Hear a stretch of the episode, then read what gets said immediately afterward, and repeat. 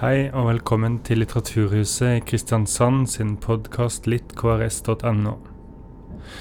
I denne episoden skal du høre Tine Jamila Sir intervjue Joakim Kjørsvik.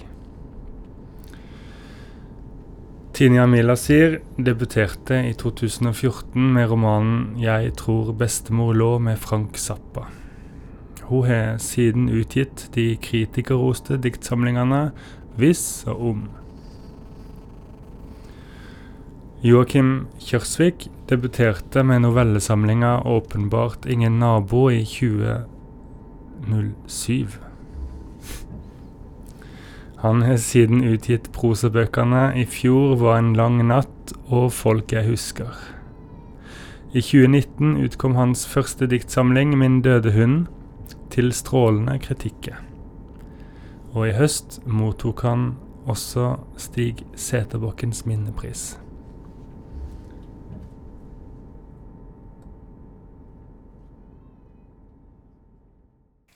Sist jeg traff deg, så satt, det var da du dro med meg på Valkyrien midt på dagen etter vi hadde vært på NRK. på litteraturfestivalen som, eh, som ble litt annerledes enn det vi hadde tenkt. Ja. Ehm, så det må jeg takke deg for, for da dro du ut nerver, så jeg kunne gå tilbake igjen på jobb etterpå. Ja, så bra. Men etter det så har jo du vunnet, eller fått tildelt Stig Seterbakkens minnepris. Det har jeg. Åssen opplevdes det å få det? Det var, en, det var en overraskelse, rett og slett. Mm. Jeg har jo ikke vunnet noen pris innenfor noe som helst før. Nei. Så um, Men jeg har ikke forventa det heller, så da var, nei, jeg var veldig overraska.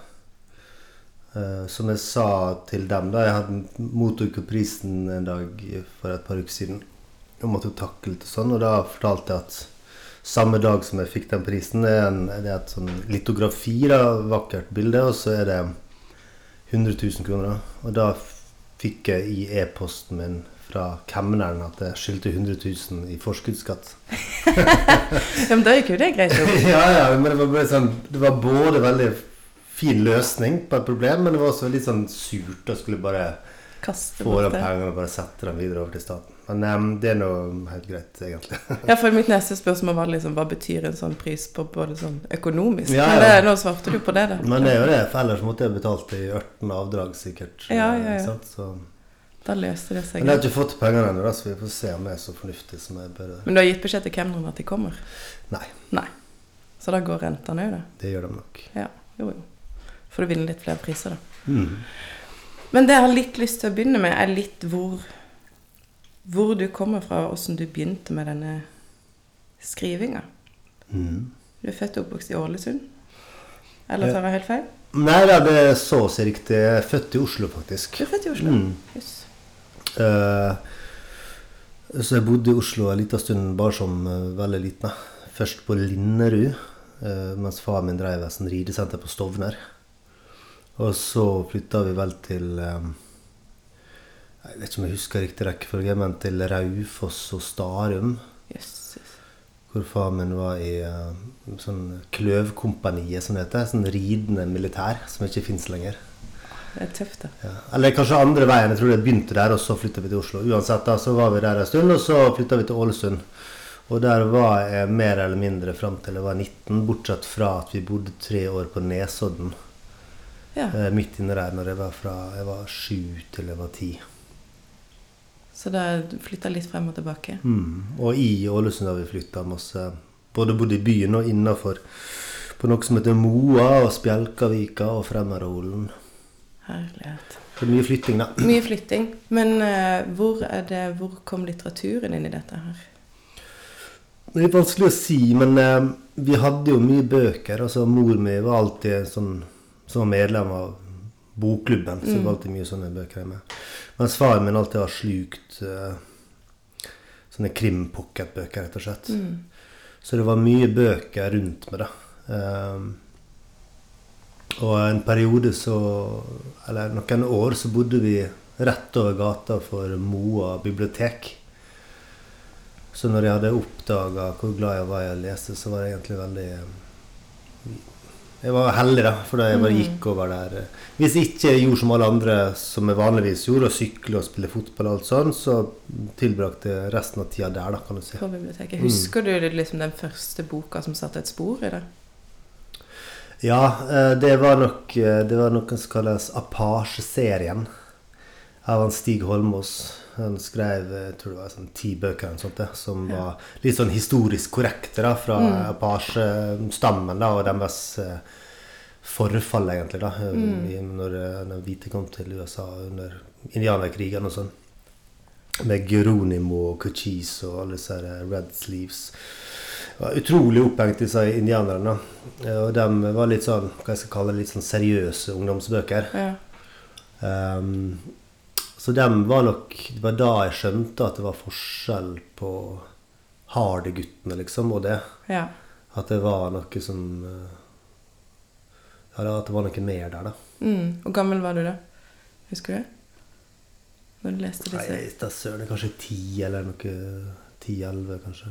Kanskje det er gutter, De sier jo at gutter ikke leser nok bøker, og kanskje det er det de heller skulle fått, fått tildelt? Ja, absolutt. At det er bøker som faktisk fenger? Ja, det sier- tror jeg nok. Mm. Men det gjelder jenter, og jeg tror at når jentene leser mer, så det også, blir det skrevet sikkert bøker som fenger dem. Ja. Altså ja, Jeg skal ikke komme med noe eksempel, for jeg har ikke det. Men, eh, um, Men, Ja. men hvor, hvor gikk Altså, for du debuterte jo i 2007. mm, Eh, Hvor gammel var du da? Husker du? eh, 28, tror jeg. 28. Men hvor var den veien derifra? Altså fra du begynte å skrive, hvordan, opp, hvordan begynte du å skrive? Og veien fram til liksom første Til debuten din, da? Ja, jeg begynte å skrive når jeg var barn, egentlig. Um, altså, vi skrev jo stil, jeg vet ikke om det heter det lenger, da, men altså, jeg skulle skrive en fortelling. da. Det var altså en norsk oppgave som jeg hadde relativt jevnlig. Og det syntes jeg var gøy, eh, så jeg skrev lange fortellinger. Og så hadde jeg da ei, ei sånn skrivebok hvor det sto 'forfatterbok' rett og slett utapå. Som liksom hadde en slags idé om at jeg ville noe sånt, da, men jeg tror ikke jeg helt forsto hva det innebar å være forfatter. egentlig. Og så hadde vi i bokhylla, blant alle disse andre vanlige bøkene, så sto det sånn Jan Erik Vold eh, tre diktsamlinger i ei. Eh, Jeg tror det var disse tre første bøkene. 'Speil mot speil' og 'Hekt' og ja, nei. Sånn sølvfarga bok. Og hvorfor vi hadde den, vet jeg ikke, men den drev jeg og leste om og om igjen. da. Uten å forstå det, men jeg bare ja, jeg ble helt hekta på den boka, eh, så jeg drev og leste det sånn i hemmelighet. og Alt var hele tida sånn i hemmelighet. For det var, jeg visste ikke om noen andre som skrev eller leste. Nei. Og vi skulle liksom spille fotball og sykle og gjøre alle de andre tinga. Uh, og så, så da begynte jeg å skrive dikt, da.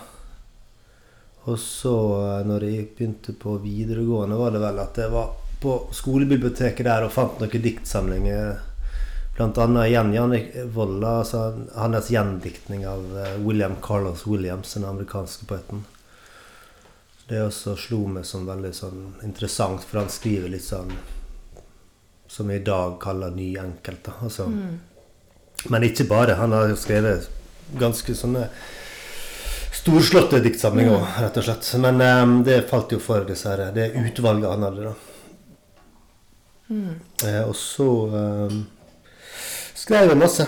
eh, uten å ha noen spesielle ambisjoner annet enn å ha et slags utløp, tror jeg, for ideer og følelser osv. Ja.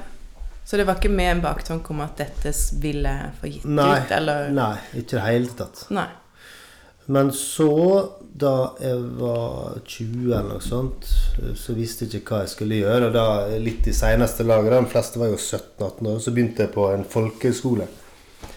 På en sånn fotolinje. Jeg hadde fått det for meg at jeg skulle bli fotograf, da. Men der var det skrivelinje. Det hadde jeg ikke engang skjønt at det var der. Eh, Og der møtte jeg han eh, som nå er min gode venn og kollega, Endre Ruseth. Og han gikk den skrivelinja. Og vi ble venner umiddelbart, egentlig. Og han skrev jo og var på en måte stolt av det, for å si det sånn. Og visste at han hadde lyst til å bli det.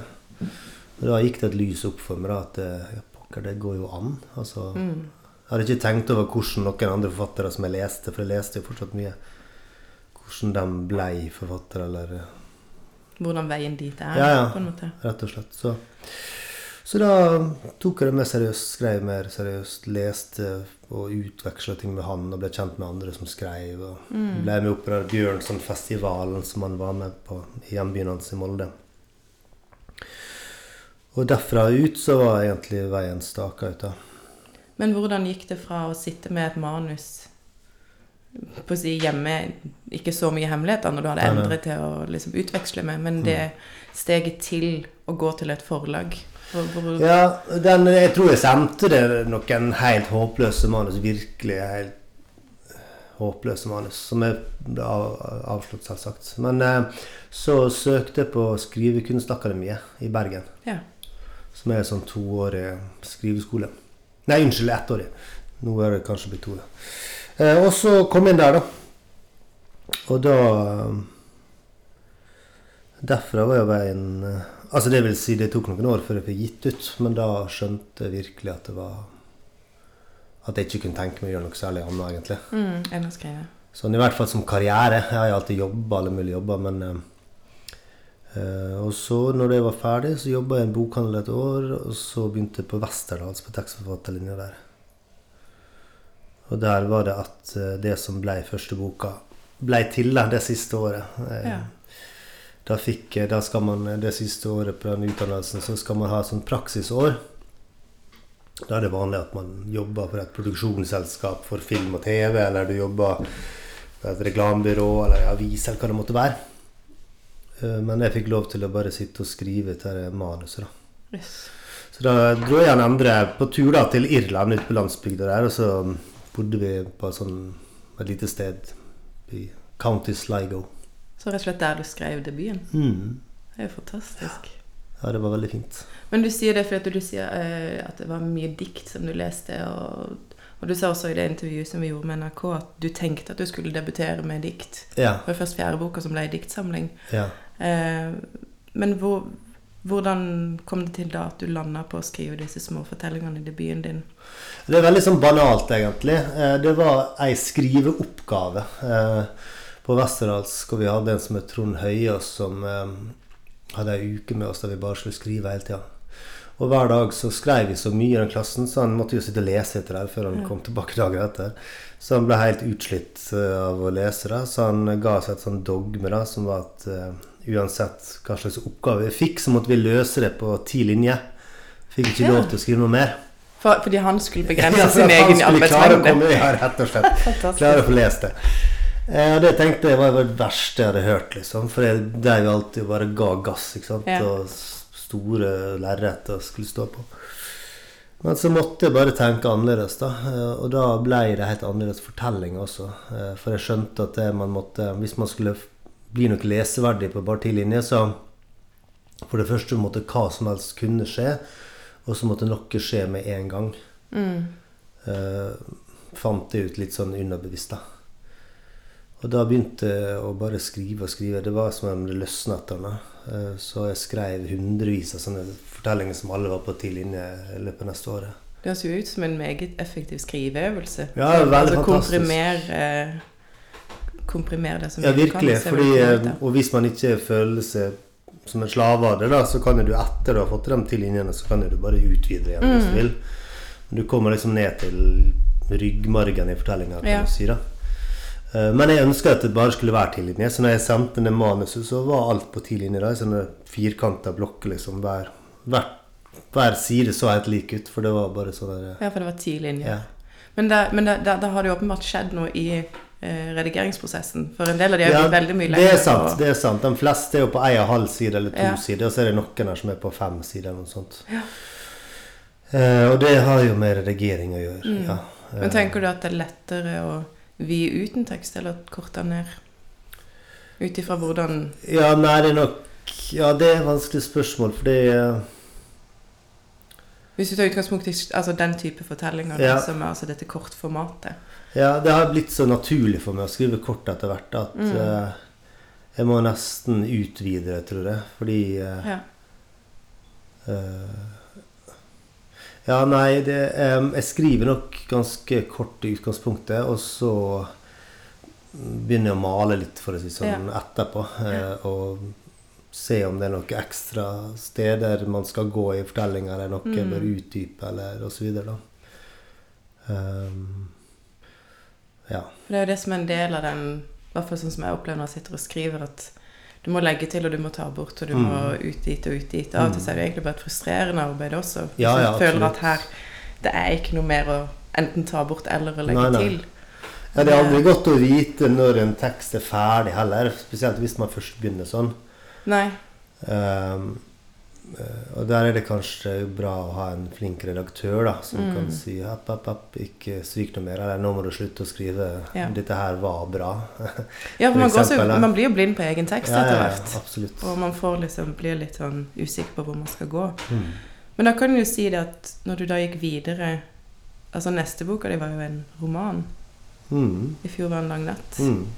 Og den, når jeg har sittet og lest den i et par uker nå, og Ja. den er heseblesende Ja. Med tanke på Jeg vet ikke hvor bevisst det er dette her med å omtrent ikke ha avsnitt. Det er Nei. ikke replikklinjer, det er ikke Og det er mye folk, og det er mye som skjer. Ja. Var det en bevisst eh, tanke at sånn skal denne boka være? Ja, jeg tror nok det. Ja. Eh, Jeg vet ikke om jeg er så fornøyd med det i dag. Jeg tenker at boka kunne sikkert vært 150 sider tjukkere hvis jeg hadde hatt noen avsnitt og, og latt disse samtalene gå som i et filmmanus, liksom, Ja. osv. Men eh, fordi at når jeg leser opp fra boka, så leser jeg det ganske rolig. Fordi jeg vet hvor ting skal være. Men Mm. når folk leser det, så bare øh, De leser blablabla, fordi alt bare går etter hverandre, Ja. som sagt. Men eh, det har jo med at hovedpersonen eh, lever et sånn veldig rotløst og oppkava Eller kanskje ikke oppgavene. Jeg er veldig sånn deprimert type, egentlig, men eh, det tar aldri slutt, da. Han er liksom en, eh, en slags ru- rusmisbruker eh, som bare går fra fest til forspill til nachspiel, og så på jobb, og så på Mm. fest igjen, videre. Ja, for, for det var sånn jeg også leste Altså når jeg først liksom Da jeg kom inn og skjønte Fikk med meg liksom Ble med inn i livet til den hovedkarakteren, så skjønte jeg at ok, dette er sånn han lever, det er sånn også Ja. boka blir. Mm. eh, For det var det sånn jeg skrev det veldig sånn i raptusa, hvor jeg måte være inni det. Der jeg Mm. kunne ikke stoppe å tenke. Jeg måtte bare la det suse av gårde. Ja. Og det er vel det Så som det- blir litt symptomatisk for en som lever Ja, dette type liv. At det Ja. bare, alt bare ruller og går hele Ja, tida uten særlig mye stopper aldri å tar en titt oversiktsbilde, på en måte. Men, Eh, men også i den boka så er det jo kommer det også inn Nå skal vi ikke avsløre for mye om han da, men da er det jo også sånne sidehistorier som kommer inn i dette manuset som han mm, eh, får inn. Og de blir jo òg bare kasta inn der ja. eh, som en sånn en sidehistorie. Så derfor er jo disse her kortfortellingene dine inn. ja, det er absolutt. Det er nok der på en måte uh, Han driver jo på en måte pitcha ideer til et manus som han Mm. skal fullføre. Uh, som han har funnet et manus etter faren. Og han er jo ikke forfatter, så han driver og prøver å finne ut av hva han kan skrive, og snakker med kompiser om det, og som kommer Mm. med forslag, og så Eh, Og der er det selvsagt at jeg kan leke med, med å finne på historier i tillegg til hovedhistorien. Ja, for det var det jeg skulle til å spørre om. Liksom, satt du da også Mens du skrev den romanen, så måtte du også lage disse Ja. historiene som kom på sida òg? Eller Ja. som er i dette manuset? ja. Så kunne det ja. Og, men hele denne teksten Jeg vet aldri hva jeg skal skrive mens jeg skriver. Jeg har bare en sånn vag idé. Ja. Uh, Så da liksom utvikler det seg bare organisk underveis, på en måte. Så du har ikke en tanke om at hit vil jeg ende opp? Nei. Nei. Ikke det hele tatt. Veldig intuitivt, da. Ja. De gangene, de få gangene jeg har skrevet noveller sånn, der jeg har en helt ferdig idé, så syns jeg det er helt ulidelig å skrive det. Det er så kjedelig. Det er det som å skrive dagbok, på en måte. Ja. Som er, når jeg vet hva som skal skje, så er det Det gjør vondt inni meg. Det blir for Jeg synes så forutsigbart, vidt rett jeg klarer å sitte stille når jeg skriver, fordi jeg vet jo hva er vitsen med å skrive det når jeg vet hva som skal skje, på en måte. Sånn føles det. Så du, ja, men det, Betyr det at du skriver mer for din egen del enn med, enn med tanken om en leser? da? At du skal ha det gøy når du skriver? Ja. ja Mer enn at eh, liksom absolutt. leseren er i tankene hele tida? Ja. Ja. Altså leseren snikes inn av og til bare fordi vi alle liksom alltid føler oss sett utenfra på en måte, ja. og på et eller annet tidspunkt skal det ut der, men i all hovedsak så er det bare Det er liksom det ene stedet i livet hvor jeg kan være helt egoistisk, liksom, så da prøver jeg å holde fast på det, da. Og ikke begynne å tekkes en tenk leser heller, for da blir det litt sånn markedsanalyse ute og går nærmest. For uh, jeg kan ikke gjøre det, for hva vil folk Hva vil tenke folk når de leser det? Ja. Eller hva jeg skal si da. Så du tar ikke noe hensyn og tenker her må jeg forklare tydeligere, eller her må jeg Det er kanskje noe som skjer seinere i en redigeringsprosess? Ja, det kan jeg for så vidt gjøre, selvsagt. Men da er det mer i det store og hele at uh, Ja, jeg må bare følge alle innfall. Ja. Og så selvsagt det er masse, sånn som i den romanen, så det er veldig mange sider som jeg har fjerna, rett og slett. Som uh, Hvorfor ble, hvorfor ble det fjernet? Nei, da er det mer selvsagt eh, Har det noe å si for fortellinga? Var det Ja. blindspor? eh, vil folk falle av, da, sånn som vi snakka om? Ja, en ja. eventuelt leser, da. Men det er i etterkant, da. Mm. Um, sikkert mye av det som jeg ikke bare kunne beholdt, da. Men um, det er noe med når man har holdt på en stund med å skrive, så blir ikke teksten så hellig lenger heller.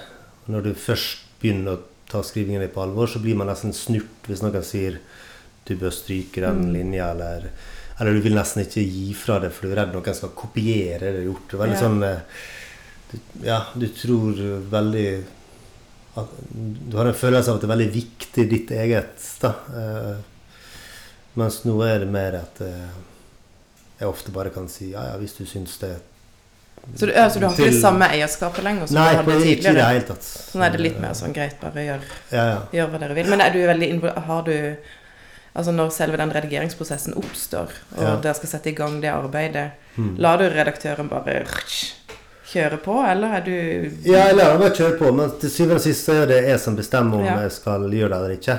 mm. Så jeg gir ham på en måte helt fri hender til å stryke alt han vil, og så ser jeg om jeg går med på det. Men eh, jeg går egentlig med på mer og mer. jeg føler jeg. Det gir mindre arbeid til deg, da. Ja, ikke Hvis du bare greit er god Men det er til mulig at han også stryker mindre enn før også, da. Altså, Ja. Fordi man har fått en sikrere altså, Det er nok, Jeg har en slags tone som er min, da. Ja. Så da vet jeg allerede når jeg er ferdig om hva som vil gå igjennom. Ja. Mm. For jeg, jeg, jeg sender veldig sjelden inn noe som helst før det nærmer seg nesten helt slutt.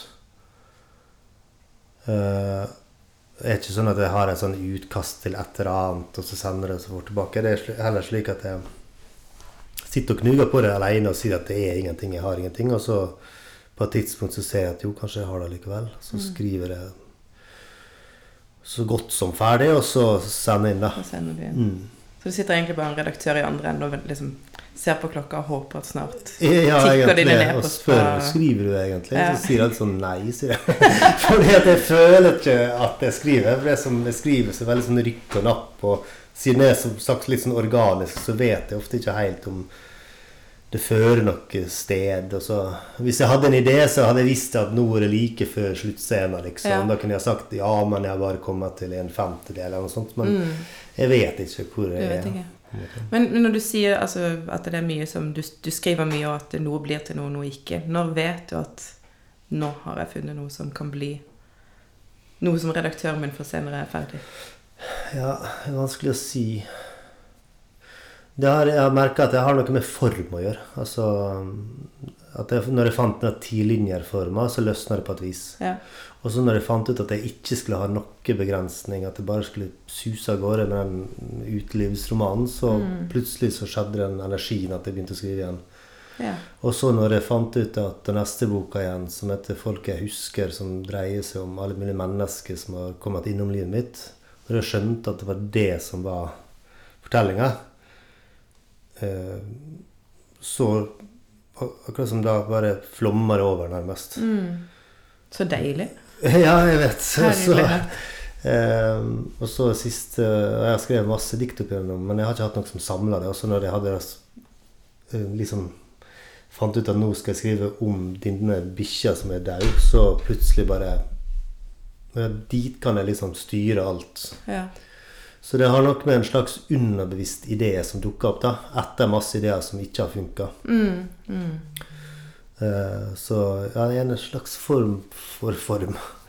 Gjør at det løsner, kan du si. da. Men åssen ser da en skrivedag Eller har du liksom et oppsett fysisk? Altså sitter du der og der og skriver fra da til da, eller er det mer sånn innimellom Ja, siste det er kanskje to år så har jeg vært heldig å ha et, altså et eh, kontor da, nede i byen i sentrum. Så dit prøver jeg å stikke hver dag, så fremt det ikke er noen syke unger eller eh, planleggingsdag eller noen andre ting som er nødt til å skje, så drar jeg ned dit. da. Eh, Men det er allikevel ikke slik at jeg sitter hver dag og jeg kan ofte at jeg bare sitter og koper der nede. eller, eller bare leser, eller Ja. spiller dart og hører musikk. Jo, jo, men det kommer jo ting ut av det. Ja da, jeg står og er tenker, da, selvsagt. Ehm, og så Men så skjer det mye sånn noteringer. Så jeg har mye også på mobilen min. Også, på sånne der, Ja, jeg hørte på en annen jeg- Når jeg satt og skulle sjekke opp i dette, så fikk jeg høre om dette arket du drev med før. ja, Dette A4-ark som du drev og bretta. ja, jeg bretta et sånn A4-ark ned til at det passer i eh, lomma mi. Og da hvis du hele tida bretter det rundt, så tror jeg det blir 16 sider. eller sånt, det man har å, til rådighet. da. Ja.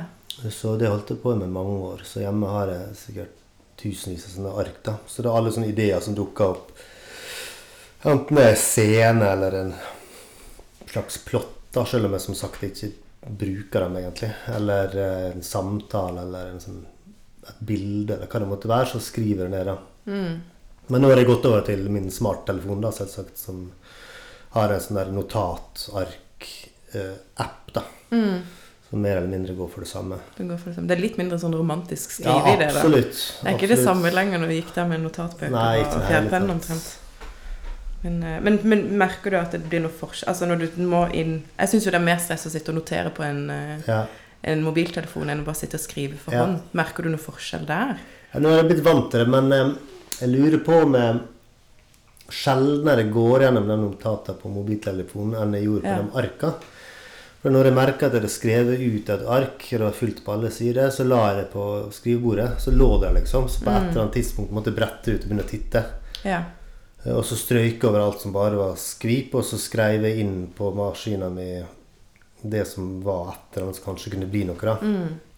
Og da kunne jeg plutselig sitte i mange timer basert på det arket, ikke sant? for det var ja. ideer, og så sulla litt med dem og dro litt i det, og så kanskje ble det noe dikt, eller kanskje ble det ja. noveller. eller noe sånt. Eh, mens dette her um, appen, da for, Det er jo noe med det taktile, da, det Ja. å holde noe i hånda, Mm. uh, som jeg nok har mista litt, da.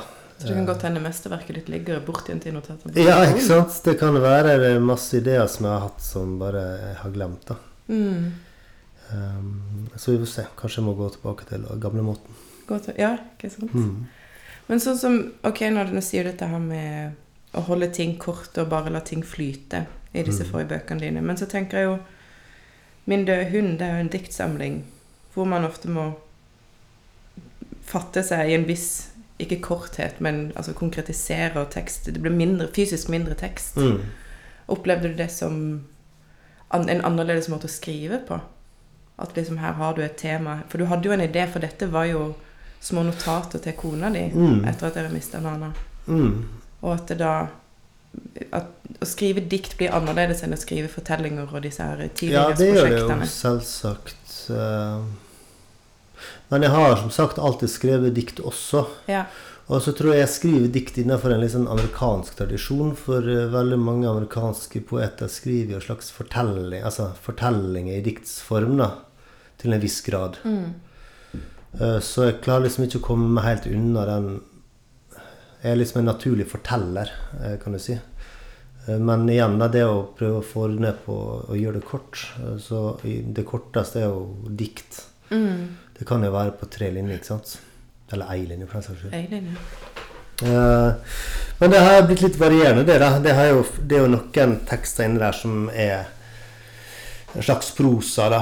Eh, poetisk prosa, kanskje. Mm. Eh, og der det er veldig lange setninger, minst skutteleddsetning osv. Så, videre. så jeg tror jeg har liksom sneket meg til å både skrive diktsamling og en sånn Oi, så eh, med novellesamling, nesten. da. Eh, Men hvor er, det, hvor er du trives best? da? Er det når du kan skrive Altså, Er du like glad i alle sjangrene som du har holdt på med? Nei, ikke glad i romaner i det hele tatt. Så jeg er glad i å lese det, men eh, jeg ble helt utslitt av det når jeg skrev. Jeg syns det var helt grusomt, egentlig. Så det, blir, det, det kommer ikke flere romaner? Ja, det, det vet jeg ikke. Det kan jo være at jeg hadde fått til å skrive en som var litt mer eh, ja, rett og slett avsnitt og Mm. eh, noen kapittel og eh, litt luft i det. Ja. Ikke sant? Som, eh, og det går jo også an å skrive novellesamlinger som ligner på noe som er en roman. Ikke sant? Hvis du lar hvis en hovedperson gå igjen i de forskjellige novellene og sånn. Men det, gjo- det gjorde du i debuten din, er det ikke der Katinka er med gjennom hele Jo, men det er bare tråd? forskjellige Katinka, egentlig. Ja, for hun er jo alt mulig rart Ja. gjennom, gjennom den boka. Og det var også sånn banal grunn til det, som er veldig lite romantisk. Men eh, eh, jeg hadde ikke, ikke surr i en masse navn. Så la jeg merke til at jeg hadde kalt ei for Emma, for eksempel, to plasser. Og så var det en annen Ja. som heter Ragnhild. Og Så lurte redaktøren, men ned til samme. Og så her satt navnet to ganger. Og så i stedet for å gå gjennom og finne og endre, tenkte jeg bare hva om jeg bare kaller alle for Katinka? da, Bare på av Det er rett og slett latskap, nærmest. praktiske Ja. årsaker, Gjorde det, og så fikk det en eller annen slags sånn litterær effekt.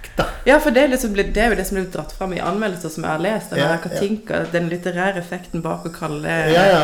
den kvinnelige birollen det samme Men navnet. det som var kanskje litt romantisk med det, var at når jeg var barn, så hadde jeg litt en slags sånn barndomskjæreste som het Katinka. Som jeg ikke visste hvor holdt til, eller eh, hva jeg gjorde eh, nå. Eh, Så da tenkte jeg på henne at hvis jeg skulle kalle noe, så la oss si Katinka, da kanskje hun leser en dag, så skjønner hun at er Vet du hva ting om hei dette, til da? Ja, vet jeg. Nå, nå siden har jeg fått, um, Fått he- sagt uh, hei, for å si det sånn. Fantastisk. Mm. For det jeg lurte litt på Vi har jo litt begrensa med tid, men da vi satt på Valkyrien etter at vi hadde vært på NRK, og vi Mm. gikk ut med tid, så var det ett dikt fra diktsamlinga di Mm. som jeg satt Jeg har jo nilest den, den siste boka di, og den er helt nydelig. Men så var det ett dikt der som bare gjorde at det rant over fullstendig for meg. Og Ja. det skulle du egentlig lese på NRK-sendinga, Ja. men så fikk jeg det til å sitte og lese det på meg ja. nede på, Stemmer. på Valkyrien med diverse dagdrankere ved siden av. Det ble bare et veldig fint, fint øyeblikk. Men, men det jeg vil, er at alle andre også skal få sjanse til å høre det. ja, ja. Og da må jeg bare grave litt her. Jeg tror jeg har det på riktig side. Ja, og så lurte jeg på om du også kunne lese dette her Beingrind, for det er helt Ja. nydelig. Det er altså den eh, boka som heter 'Min døde hund'. Det handler rett og slett om en hund som eh, kona mi tok med hjem fra Marokko. Mm. Hun ble veldig glad i, som ble overkjørt, da. Men hun- det, ja, apropos det, hun blir jo, en annen blir også faktisk nevnt i Folk jeg husker. Ja, Plutselig så dukker hun opp som en sånn en For det er noen tvilling, et tvillingpar som er inne på en butikk og kjøper øl. ja, riktig. Eh, og så plutselig så har du med deg Eller fortelleren har med seg Ja, hun og hei er det Nana. Ja, og da da. er sånn en liten ja da, Lite hun er litt til sånn muse, rett og slett. Ja. Hun har vært med. Ja. 'Rester' heter det diktet. Lukten av bikkja i pleddet, i stolen, er fordufta. Sender en melding til hun jeg elsker. Ikke svar når jeg ringer. Ringer til signalet opphører. Stemmen hennes ber meg legge igjen en beskjed. I bakgrunnen høres tre bjeff. Ja. Det er så fint. Det er så nydelig. Takk. Um, og så heter det Beingrinda som står bakerst på, bak på boka. Noen ganger må man kalle en spade for kjærlighet. Og grave opp ordet hjerte. Om man skal beskrive en hund som dør på kald asfalt. Mens nettopp dette hjertet pumper blodet ut av kjeften på den og dampen stiger til himmels lik en sjel. Ja. Ja, jeg ble like målløs hver gang. Og da vil jeg egentlig bare si tusen takk for at du gadd være med. Takk for at jeg fikk lov å komme. Og så håper jeg at folk tar litt skrivetips. Jeg skal i hvert fall ta med meg den tidlinjers-tipset, Ja, tipset, for det er jo helt Vi holder skrivekurs i andre, og da bruker vi det som en slags Ja. åpningsgreie. Og det blir alltid morsomme eh, Vi styrer til å bli morsomme historier da, på videregående og ungdomsskole, og sånn, men det kan jo gå i alle retninger. Ja, det kan gå i absolutt Mm. alle retninger.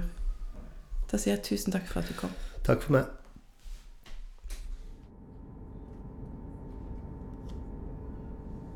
Og denne podkasten er produsert av Atle Haaland for Litteraturhuset i Kristiansand. Med støtte fra stiftelsen Kultiva, Agder fylkeskommune og Fritt Ord.